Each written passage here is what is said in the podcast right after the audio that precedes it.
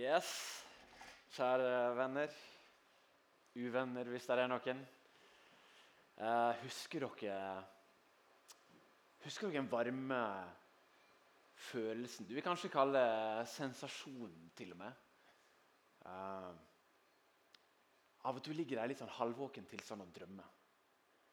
Og så er det akkurat som du, du bare lar vannet liksom Og så føles det så ålreit der og da. Du har liksom Vannet bare ah, Det var igjen når du var barn. det her da. Og så våkner du, og så har du tissa på det. Ja. Husker dere den følelsen? Jeg ser noen anerkjennende nikk her. Hvis det har nyere dato, skal du slippe å nikke for aktivt. Eh. Og så, og så, og så går det bare en liten stund før den der kaldefølelsen melder seg litt. Den der kløa. Liksom. Det er akkurat som om noe ikke er som det skal være, og du må begynne å rette på ting. og sånt. Sånn har jeg det nå, da. Det var det at akkurat samme mekanismer settes i spill når du søler en kopp kaffe i fanget rett før du skal opp og tale. Men da påpekte Karoline at det er bra du har på deg mørk bukse. Og det er det jammen det. jammen bra, Ellers hadde dere blitt sittende og se på den brune flekken her i hele dag. Men uh, det er rart med det. Noen sånne her uh, følelser setter seg jo i livet. Jeg kunne sagt mer om, om, dumme ting jeg har gjort. altså. Det kan godt være jeg skal bruke tid på det etter hvert. Men uh, jeg heter Karl Johan, og jeg har bodd her i Grimstad. Og En av de tingene jeg bestemte meg for da i 2010, vi flytta hit til Grimstad. Og når jeg sier vi, så var det meg og så var det kona mi.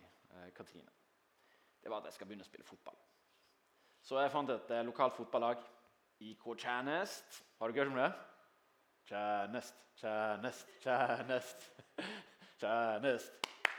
Kan vi gjøre det sammen? Tjernest. Yeah. Takk for entusiasmen, dere på forreste rad. Der spiller noe som heter Bundesligaen. Den liga organisert utenfor NFF-systemet. For her i Aust-Agder har den ikke helt tillit til eh, sånn som Norges Fotballforbund organiserer idretten. Eh, fordelen er jo at det er billigere. Ulempa er at det er ingen idrettsskadeforsikring. og for å si Det sånn, det blir litt idrettsskader ute og går når en gjeng med bønder fra Reddal og, og overmodne folk fra Grimstad begynner å, å spille fotball mot hverandre. Det, det, var uansett ikke poenget. Jeg husker veldig godt uh, hvordan det var å komme inn på det laget. En gjeng med skikkelig ålreite uh, karer. Uh, og så husker jeg vi skulle på fotball Eller trenings treningsferie eller treningstur til Danmark. da. Uh, vi hadde ikke eneste trening på hele turen. Det er jo en helt annen sak. Men, men treningstur var det. Og, og jeg husker den, der, jeg husker den følelsen da vi satt der og hadde det veldig kjekt sammen. Noen, noen drakk alkohol, andre drakk ikke alkohol. Og, og, så var det en som satt seg ved siden av meg og spurte meg du, du er jo, uh, du er jo kristen, er ikke det? Så jeg sa ja. Jeg er bibelskolelærer. Ehm, jeg jobber på bibelskolen i Grimstad, som er en, bibelskole her i byen. hvis du ikke vet det. Og, uh, og sa ja, men kan du egentlig være med på det her? Eller sånn, Er det greit liksom å Eller jeg trodde liksom ikke Eller jeg tenkte liksom at ja, men altså, kristne og sånt okay, skal, eller skal ikke ha det så gøy og sånn, da? jeg var litt sånn Ja, jeg har hørt det før. Det minner om en samtale jeg har hatt sånn ca. 1000 ganger. Uh, men det er veldig interessant, for jeg husker akkurat måten han ordla seg på. Da. Det er akkurat som, som kristen så skal du ikke ha det gøy. Du skal helst ha det litt Du skal helst være litt sånn forknytt. Er du med? Litt sånn, det skal helst være litt sånn halv, halvmorsomt hvis det først er morsomt. Du skal ikke ta for mye av. Skal, du, skal, du, skal liksom ikke, du skal være avmålt i gleden din. Og det er ikke eneste gang jeg har opplevd det samme. Jeg kan huske sånne samtaler, jeg husker det veldig godt fra militæret osv. Folk som var helt sjokkert over at du kunne være kristen og fortelle vitser. Det var ikke spesielt grove vitser heller. Det var heller ikke spesielt gode vitser, men det var vitser. Kan du, ah, dere, ler dere kristne, altså? Er det, er det tilfelle at dere gjør det? Og så husker jeg en annen gang jeg hadde med, hadde med en litt sånn fjern fra familie inn i, inn i kirka som jeg tilhører i Oslo.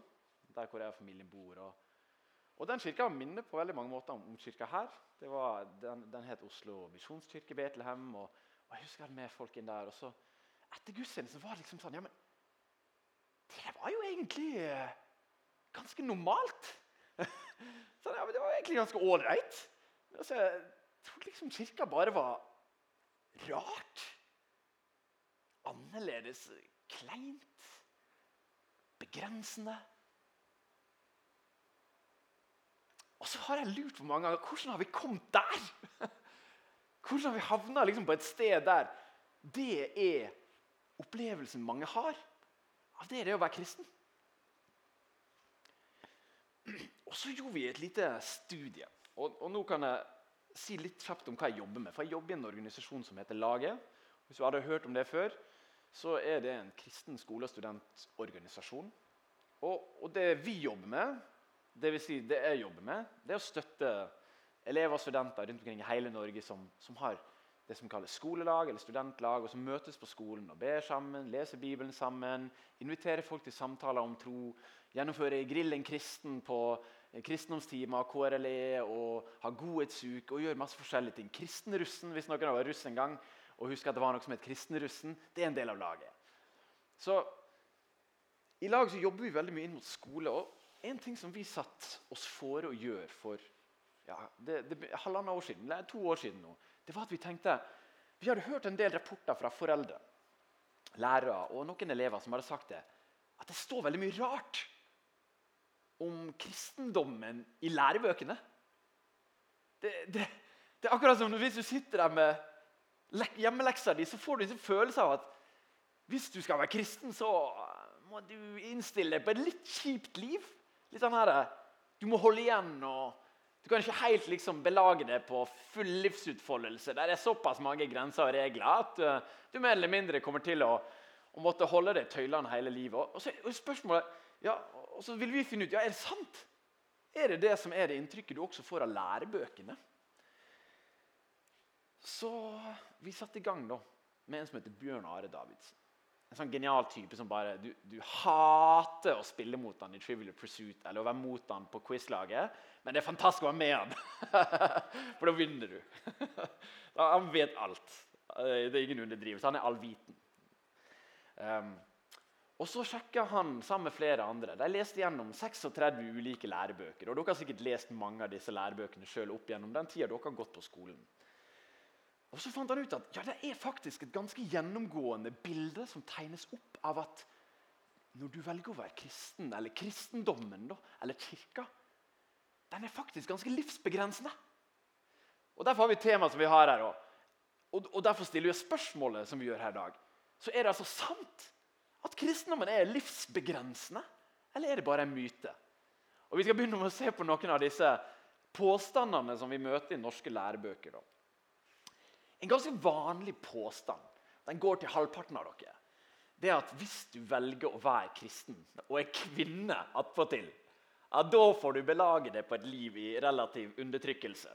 Der du må begrense det på ganske mange områder, og, og, der du må oppleve at det å være i kristen tradisjon og tro det er mer eller mindre å, å, å være i en slags tilstand av undertrykkelse. Kristen tro er kvinneundertrykkende. Du møter mange påstander uh, i forhold til det. Men noe av det som er mest framtredende, er at ingenting av det positive nevnes. Det er helt merkelig. Fordi at eh, Det nevnes f.eks. om kvinner etter at de i Romerriket begynte å bli kristne. Og jeg vet ikke om dere har lagt merke til, men Kvinner var det første vitna til Jesu oppstandelse. Første vitna. Dessverre for dem så hadde ikke deres vitnemål rettskraft i en romersk stat. Fordi at Kvinner kunne ikke være statsborgere. Du hadde ikke rett til borgerskap som romersk eh, kvinne. Men med kristendommen så kom retten til en helt annen grad av likeverd. Likevel så løftes det altså fram at en kvinne måtte ha skilsmissebrev fra kirka for å kunne ta ut skilsmisse. I motsetning til å løfte fram det faktum at den samme kirka talte imot Romerrikets lov. Og hør her, Det er en lov i Romerriket som du kan lese om i historiebøkene at hvis ei kvinne altså brøt kyskhetsløftet sitt Det ble med andre ord funnet ut at ei kvinne var noe annet enn ei jomfru idet hun var lova bort til en mann, så skulle hun altså ikke bare ikke få lov til å gifte seg med fyren, men i romersk rett og lov så skulle hun begraves levende. Du finner, du finner det knapt nevnt i lærebøkene, men det som var så forferdelig, var at kvinner i kirka ble, uh, ble satt fri til å ha, da, måtte ha skilsmissebrev i tilfelle de ble gift og hadde lyst til å skille seg. En rett som for øvrig heller ikke fantes i veldig mange andre sammenhenger. Sannheten er at kvinner i den kristne kirka har alltid hatt en posisjon som har løfta dem til ny status. Her finnes ikke kvinne eller mann, sier Paulus. Helt sinnssykt uhørt i gresk filosofi og romersk rett. Det er ingen likestilling mellom det her i antikken. Ja, Men hva med kristning av Norge, da? Var det ikke sånn at vikingkvinnene var liksom, oi, oi, oi, sterke vikingkvinner? De hadde alle rettighetene, og det var like mange vikingkvinnehøvder som det var vikingkvinnemenn? Nei, det var ikke det. Vikingtida var en forferdelig mannsdominert periode av verdenshistoria.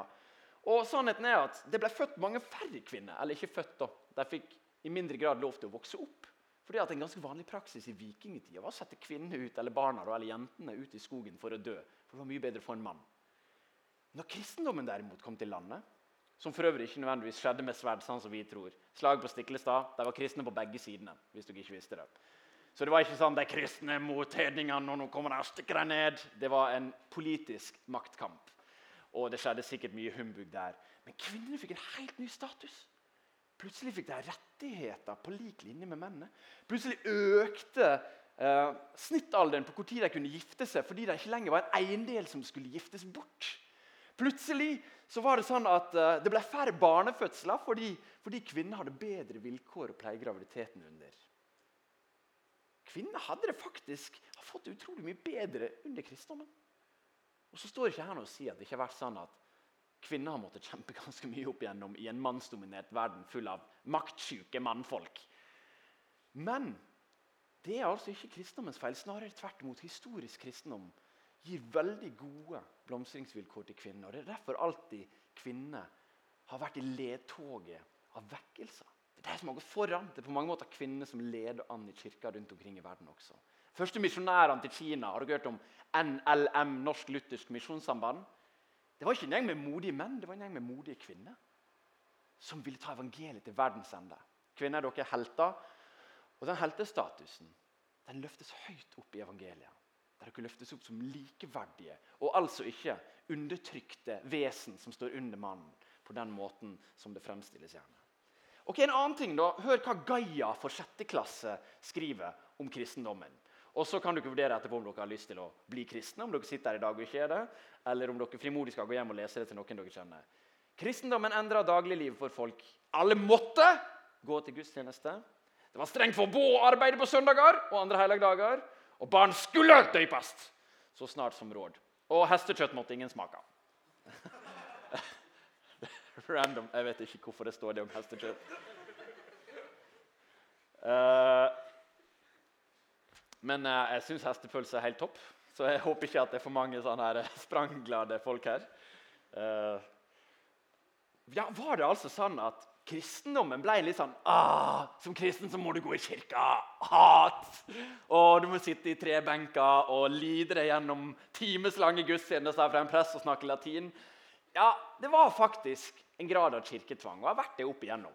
Det var ikke noe mindre tvang enn det fantes tvang på andre områder. Vi må huske at vi leser veldig fort sanne påstander inn i vår tid. Husk at årtusen var en ganske annerledes tid. Med helt andre maktstrukturer. Og det blir useriøst å tenke at vi skal lese det rett inn. For hva var det som skjedde når det var sånn at alle arbeidere måtte gå i kirka? Vel, Det står ikke i noen av lærebøkene. Men kirka og kristne i Norge var den første arbeiderbevegelsen.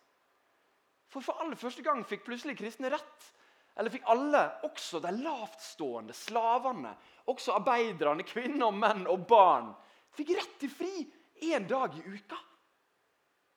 Helligdagsbudet var den første arbeiderbevegelsen. Det var et kjempepositivt bud, spesielt for de som var lavtstående og hadde lite makt og innflytelse. Så det var ikke bare negativt. Tvert imot, det hadde noen veldig positive ringvirkninger. Og det at alle måtte døpes, ja, det høres kanskje ille ut. Og det har i perioder vært dåpstvang, mer eller mindre. Særlig under sånne ulike, eh, særlig ulike deler av landet osv. Men var det så dumt? Var det bare feil? Er ikke det litt flott, egentlig? At plutselig så fikk spedbarnet verdi som menneske? Plutselig så var det sånn at det skulle ikke skilles mellom hva barn som hadde rett til å tilhøre Gud, eller, eller, eller få lov til å delta i tilbedelsesritualer, eller få være en del av fellesskapet. Faktisk var dåpen et av de vakreste og tidligste uttrykkene på at vi alle skapt like Guds bilde foran Gud. Det står ikke noen lærebøker, men det er en av de mest grunnleggende tingene som har prega Norge siden. Som igjen har forma menneskerettighetene. En dypt og grunnleggende kristen tenkning som ifølge Tom Holland, en av verdens mest kjente historikere, som sjøl ikke bekjenner seg som kristen, har vært dønn umulig uten at Europa først var gjennomkristna. Og En annen ting som, som kristne anklages for som en sånn livsbegrensende greie i norske lærebøker Du har kanskje til og med lest om det at kristne var liksom sånn uvirksomme. De satt liksom livet på vent. For det, det var ikke så viktig hva du holdt på med her i livet. For altså når du skulle dø, skulle du leve evig. Så det er sånn Ja, OK. Ja, ja. Spille, spille bort liksom går hjem. Det gjorde jeg jo ikke da, nødvendigvis. Men, men, men, spørsmålet er var det altså sånn at kristne og er det også fortsatt sånn at kristne i dag utsetter det å leve på ordentlig fordi vi tror vi en dag når vi dør, skal begynne å leve skikkelig? Vel, jeg møter av og til den påstanden. Og den påstanden møter du også i en del lærebøker. Det er merkelige greier. F.eks. for I eh, en fagartikkel på NLDA så står det 'troen gjennomsyret det meste man gjorde'. Og Her er det altså frykten for helvete var høyst reell. Og det var den som styrte mennesker til å ta de valgene de gjorde. Så er det altså sånn at vi, vi som er kristne, utsetter det å leve enten i, i, frykt for at vi skal havne i helvete, eller i forventning at vi en dag skal begynne å leve i himmelen. Jeg synes det høres helt absurd ut. det altså. Ja, for Hvis du tenker på middelalderen sine store gjennombrudd, hvor var det de skjedde? Nidarosdomen og katedralene. Tror dere det var et arkitektonisk og byggingeniørmessig gjennombrudd i europeisk historie? På alle tenkelige måter. Eller kunsthistorie. Eller litteraturhistorie. Eller de første universitetene som vokste opp på 1100-tallet i Europa. Var det uvirksomme kristne som satt og tvinna tommeltotter og venta på at evigheten skulle komme og innta i verden? Og Den dag i dag så står det altså på inngangen til Oxford universitet Herren er mitt lys. Hele universitetsverden i hele verden, ikke bare Europa, stammer fra ideen om at fordi at Gud har skapt verden med orden og skjønnhet og gjort det mulig for oss å studere, derfor skal vi også studere ham. Vet dere hva det første budet til Gud til mennesket er? Ha sex og gjør det ofte. det visste dere ikke. Fyll jorden og bli mange, står det. Det andre budet var det egentlig jeg tenkte på. Det, ikke, det første var irrelevant. Jeg tenkte bare Siden jeg sa det, så kan jeg iallfall si det til dere. Det andre budet er jobb. Vi skal jobbe. I Edens hage var vi skapt til å jobbe. Har dere tenkt på det, eller? Forvalteransvaret som Adam fikk ved at han skulle stelle hagen, som det står om der, og pleie, gi navn til dyra og pleie plantene og frukttreene det er et kall til å jobbe. Og vet du hva det betyr? At jobb er ikke et nødvendig onde som du må gjøre for å en gang kunne leve når du har fri. Men jobb er en gave i seg sjøl. Jobb er en fantastisk ting. Og fra evigheten av så var vi skapt til å jobbe, ikke til å sitte og tvinne tommeltotter og være uvirksomme. Med andre ord så er det langt ifra, snarere tvert imot. Sånn at kirka ikke sitter, kristne ikke sitter og venter men vært de som har skapt grunnlaget for noen av de store gjennombruddene vi har sett i vår verden, som f.eks. den industrielle og etter hvert den teknologiske revolusjonen. Den grunnleggende forståelsen av en verden som henger sammen, den kommer fra et kristent-judeisk verdensbilde. Og Det kan en tro med stor frimodighet. Om du sitter her i dag og du ikke tror det, så inviterer jeg deg til å utforske det ytterligere. En annen ting er jo synd. Og Synd står det for mye om også i, i, i lærebøkene. At de kristne var veldig opptatt av synd, ting en skulle gjøre og ikke skulle gjøre. Jeg vet ikke om dere har det forholdet til kristentro sjøl. At dere tenker at det å være kristen det handler om veldig mange regler som du må følge. Eller påbud som du må adlyde. Eller en del ting som du ikke egentlig får lov til å gjøre, men som du egentlig har veldig lyst til å gjøre. Jeg vet ikke hva forhold du har til synd, men det står iallfall i en rekke av, av, av, av lærebøkene denne ideen om at Synd og skyld er noe som har preget kirka opp igjennom. Og ja, det har den jo. Fordi at, som Malcolm Muggeridge sa, en britisk journalist, krigsjournalist under andre verdenskrig som var ateist i løpet av verdenskrigen, men som etter andre verdenskrig innså at mitt ateistiske synspunkt på verden er altfor positivt. For veldig mange som er ateister, har det synet at mennesket er den som har håp i seg. Det er vi som er gode. Det er vi som har potensial til å frelse verden. Men han innså det at det er det mest empirisk belagte faktum at mennesket absolutt syndig. Og samtidig så er det det mest motstridte faktum å si at vi er det. Med andre ord, Han så at det fins ingen tvil. Jeg har sett andre verdenskrig, men jeg har også sett inni meg sjøl.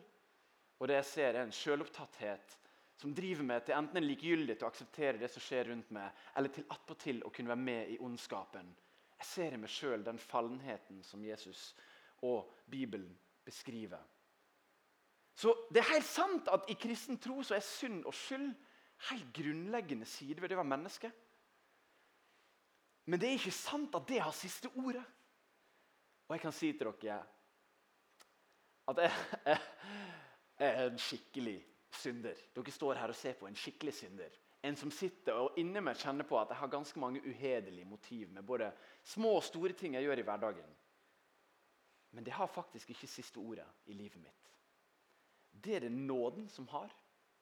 Og jeg må bare ærlig innrømme også at det er så befriende deilig å slippe andre mennesker inn på livet sitt og oppleve at den er akseptert for den den er.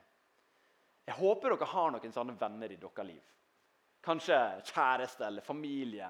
Noen som dere våger å slippe inn på liksom det innerste av det dere er, og som dere erfarer at det er greit. Dere kan senke skuldrene og bare være der med dem, for dere vet at de kan romme dere. Er det ikke den type vennskap vi søker og lengter etter? Lengter etter den type aksept? Vel, Sannheten er at før vi har sluppet noen innpå oss, så vet vi ikke om de tåler det. Så før vi slipper folk der inn, inn i disse litt sånn skambelagte, litt sånn smålige sidene av oss sjøl, den smålige sida av meg sjøl som alltid sammenligner og misunner andre, f.eks.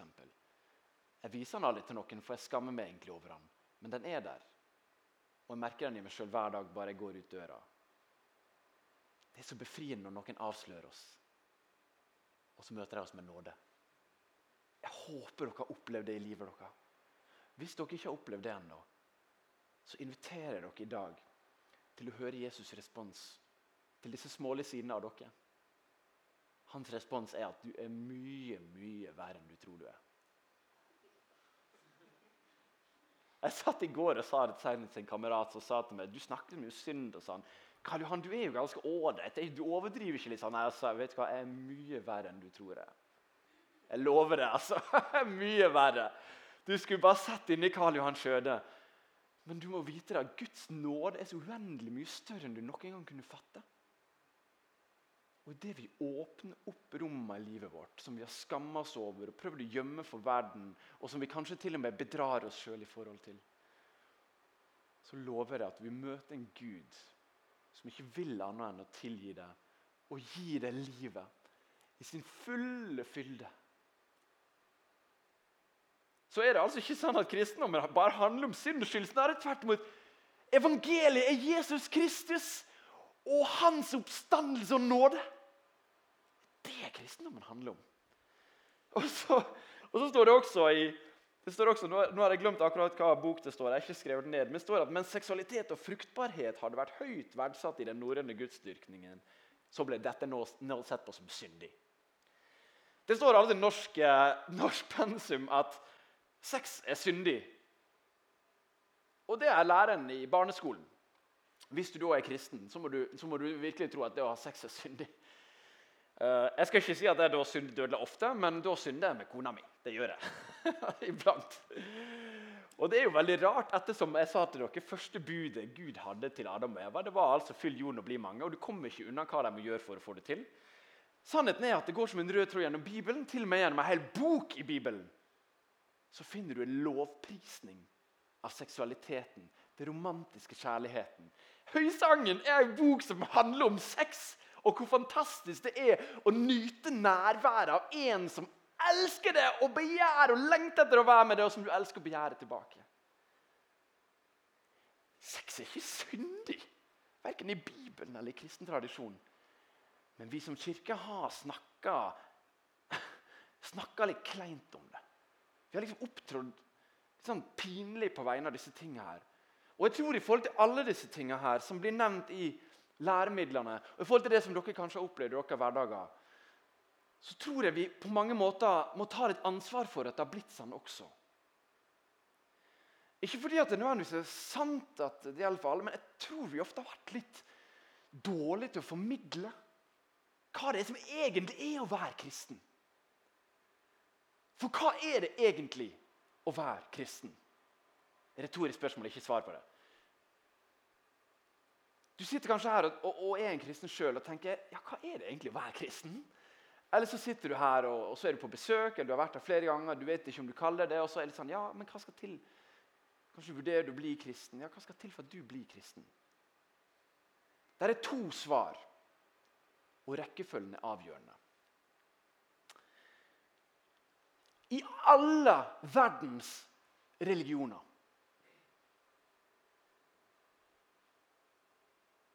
så handler det å oppnå frelse om med frelse så mener jeg at du oppnår løsninger på det som er problemet ditt. Et problem kan f.eks. være at vi opplever lidelse. Vel, løsninga på lidelsen er osv. Eller problemet er at du er vanhellig. Løsninga på vanhelligheten din er osv. Alle verdens religioner svarer på samme måte. Og det er Du må jobbe, jobbe, jobbe, jobbe, jobbe, jobbe, jobbe, jobbe, jobbe. Du må følge reglene. Du må adlyde buda. Du må jobbe, jobbe, jobbe, jobbe, jobbe, jobbe for din frelse. I islam så har du fem søyler. Du har trosbekjennelse, bønn, du har almissa, du har pilegrimsreise, og du har faste. Og Du vet aldri når du er frelst, men du vet at du må jobbe, jobbe, jobbe. jobbe, jobbe, jobbe, jobbe. I buddhismen så har du den åttedelte veien. I buddhismen er målet å bli løst fra lidelsen din. Og du har eh, tale, handling, levevis, konsentrasjon, oppmerksomhet. Jobbe, jobbe, jobbe, jobbe. jobbe. I humanismen, den sekulære humanismen, så har du et bud som de slår på brystet og sier med stolthet. Du skaper sjøl meninger i ditt e-, eget liv. Høres ikke flott ut? Du skaper sjøl meninger i ditt eget liv. Første øyekast er det sånn Ja! Yeah! Helt enig. Og Så begynner han å tenke over det.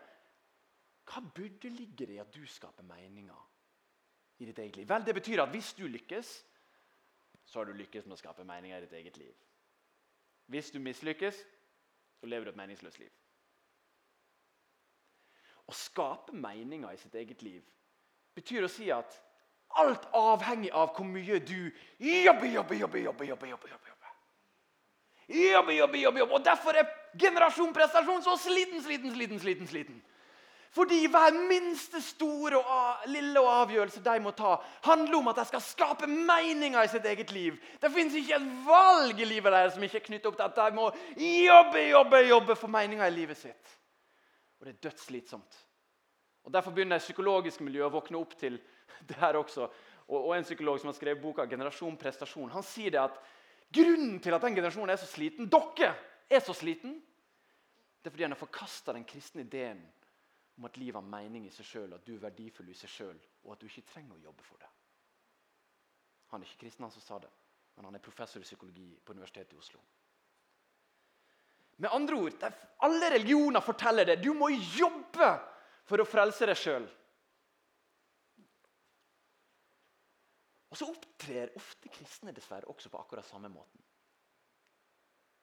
De kler seg akkurat passe moderat fordi at de skal blende inn i den kristne atferdselskrava. En uh, sier de rette tinga, unngå for all del banning. Og jeg sa steike en gang jeg var i Indre og det var banning der. Angra siden, for å si det sånn. Nå håper jeg ingen var fra Indre Agder her og opplevde det som krenkende. Vi blir opptatt av hva du ikke kan gjøre, og hva du kan gjøre. når vi skal fortelle folk hvorfor det er så bra å være en kristen, så begynner vi å ramse opp alle budene du kan følge, og hvor flott det er å følge dem. Det er ikke usant at bud har med kristen tro å gjøre. Det må bare aldri begynne med buda. Der er den store forskjellen.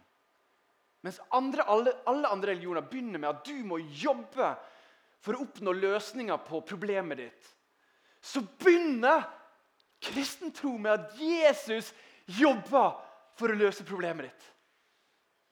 Og jeg skal fortelle deg at Hvis du sitter der inne i dag og du tenker jeg har hørt det tusen ganger før, og du fortsatt blir sliten av din kristne tro, så er det sannsynlig fordi at du tror du må jobbe for å oppnå din frelse. Men det fins ingenting du kan gjøre for å jobbe deg til din egen frelse. Du er mye verre enn du tror du er. Og Jeg skal ærlig innrømme for dere, jeg, jeg har vært en ganske sånn vellykka kristen. Og jeg har mange ganger tenkt om meg sjøl Karl Johan, du har egentlig fått det ganske bra til. Jeg står på. Og Hva har det leda til? En sjølrettferdig type som når jeg sitter der og har gjort en innsats på noe, så sitter jeg og tenker på de folka der. Hvorfor gjorde ikke de også noe? Hvorfor bidro ikke de også litt mer? Sjølrettferdighet. Jeg har sittet der og så har jeg vært med i lovsangen og vært med på en kristen hai, og så har jeg kommet hjem og så har jeg tenkt nå fortjener jeg litt synd. Fordi jeg ikke har innsett at det var Gud som jobba for meg. Og alt jeg gjør i forhold til å følge bud, som ikke er galt Jeg tror at Guds lov bare er god for oss. Bare er god for oss. For alle mennesker. Den er først god for oss når vi innser at vi grunnleggende sett har brutt den. Men at Jesus døde for å gi oss tilgang til sitt rike igjen. Med andre ord Jesus jobba for meg på korset. Han jobba for meg i oppstandelsen for at jeg ikke skulle leve et livsbegrensa liv. Men for at jeg skulle leve i full livsutfoldelse. Det er hele essensen i kristen tro. Det at Jesus elsker det så ufattelig høyt at han er villig til å gå i døden for det. Og Da kommer vi til det verset som vi leste, som var skrevet til en menighet. Og jeg må si, En menighet mye verre enn dere er, som sitter her. Menigheten i Korint var altså, hold dere fast, de lå i rettssak med hverandre. Fordi de ikke klarte å løse opp i problemene sine. Det var en fyr i menigheten der som drev og lå med svigermora si. De hadde fyllefest under nattverden! Visste du det? Før innstiftelsesorda, sant? ja, før disse innstiftelsesorda som leses av presten gjerne før nattverdsmåltidet. Det som står rett før der, er om fyllefesten til Korint. Så de drev og tok mat fra de fattige og spiste det sjøl. Og så må Paulus skrive disse her ordene som dere sikkert også har hørt. Størst av alt er kjærligheten. Han skriver til Korint fordi han ser ja, men dere skjønner det jo ikke. Dere trakter etter synd som om det skal gi, no gi dere noe. Dere har jo ikke skjønt at Jesus har gjort alt for dere. Han er som den vennen din som bare vil gjøre alt for deg, og som du bare elsker fordi at du vet at det fins ikke et øyeblikk der den personen ikke vil stilt opp for deg bare tusen ganger mer. Og så skriver han til deg om kjærlighet. Og så skriver han til deg om, om det de trenger å gripe før de skal med, fortsette med buda. Han skriver om hva de trenger å begynne med før de skal begynne å leve rett. Og så skriver han altså og det er interessant måten det begynner på i det vi leste da. Om jeg gir alt jeg eier til brød for de fattige, ja, om jeg gir meg sjøl til å brennes Jeg vet ikke om dere tenkte på det litt sånn Brennes? Hæ? Var det vanlig? Hadde de ikke liksom Hadde de ikke ved på den tida?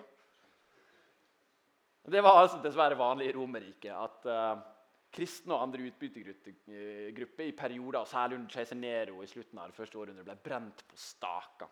Og De sto som lyktestolper står det, i Romas gate og lyste opp. Forferdelig skue. Og Så skriver han likevel ja, men om jeg gjør det her bare som en lovisk greie fordi jeg må, og ikke har kjærlighet Da har jeg ikke skjønt evangeliet. Da er det bare sjølpining. Og Så skriver han videre det er kjærligheten vi må gripe. Og Hør her hvordan kjærligheten er. Og Hør på disse ordene om du syns de er attraktive. Om du syns dette er attraktive egenskaper i mennesket som du har i ditt liv, eller om det er egenskaper som du tenker at det her kunne jeg også ønske at jeg bar preg av?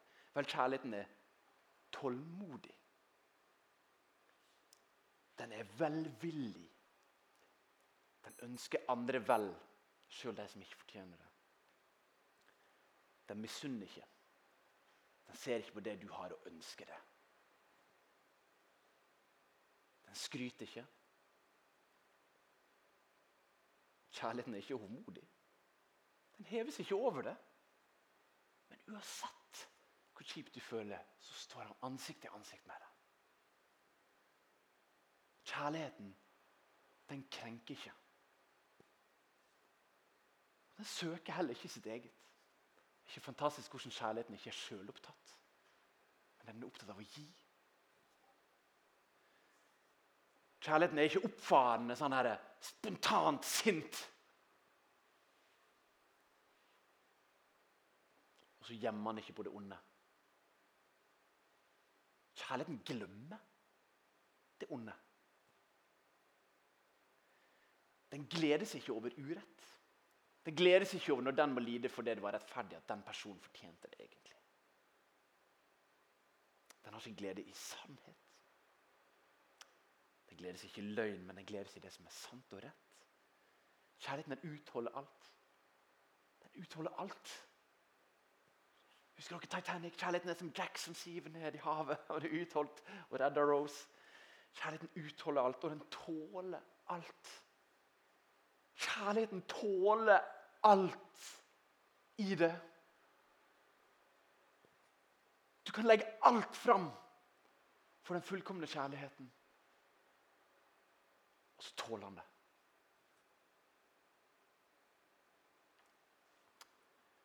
Og kjærligheten i første Korinterbrev det er ikke den romantiske eros-kjærligheten mellom kvinne og mann. Og det beskriver ikke den fullkomne elskeren. Men det beskriver agape. Kjærligheten er Gud. Og Så skriver Paulus i Korinterne for å minne deg på at det er Gud som er kjærlighet. Alt begynner alltid der. Så når dere holder buda, så gjør dere ikke det fordi dere må holde buda, men for dere ser at det er så uendelig mye bedre å være hos kjærligheten. Og Så skriver han også det som er håpet for de som er kristne. For sannheten er Du kan sitte her i dag, og så er det ikke nødvendigvis sånn at livsutsiktene dine lover det at du kommer nå til å oppleve bare lykke og nytelse og glede i tida framover. Snarere tvert imot. Livet bringer også veldig mange utfordringer. Det har alle dere her inne allerede erfart, og dere kommer til å oppleve mye mer av det. Det står ikke i motsetning til at Gud er kjærlighet. For kjærlighet det handler ikke om å skjerme folk fra det som nødvendigvis er lidelse. F.eks. lider min sønn hver eneste dag når jeg tvinger han til å kle på seg. Men ingen her vil sitte og si det er ikke kjærlighet. Vi tåler noe lidelse, og Gud tillater også noe lidelse. Og Jeg skal ikke si det alltid er lett å vite hvorfor. Eller at akkurat din lidelse var ålreit eller meningsfull. i det hele tatt. Jeg skal ikke si det. Men det jeg kan love deg at Gud er kjærlighet og i den lidelsen går han sammen med det.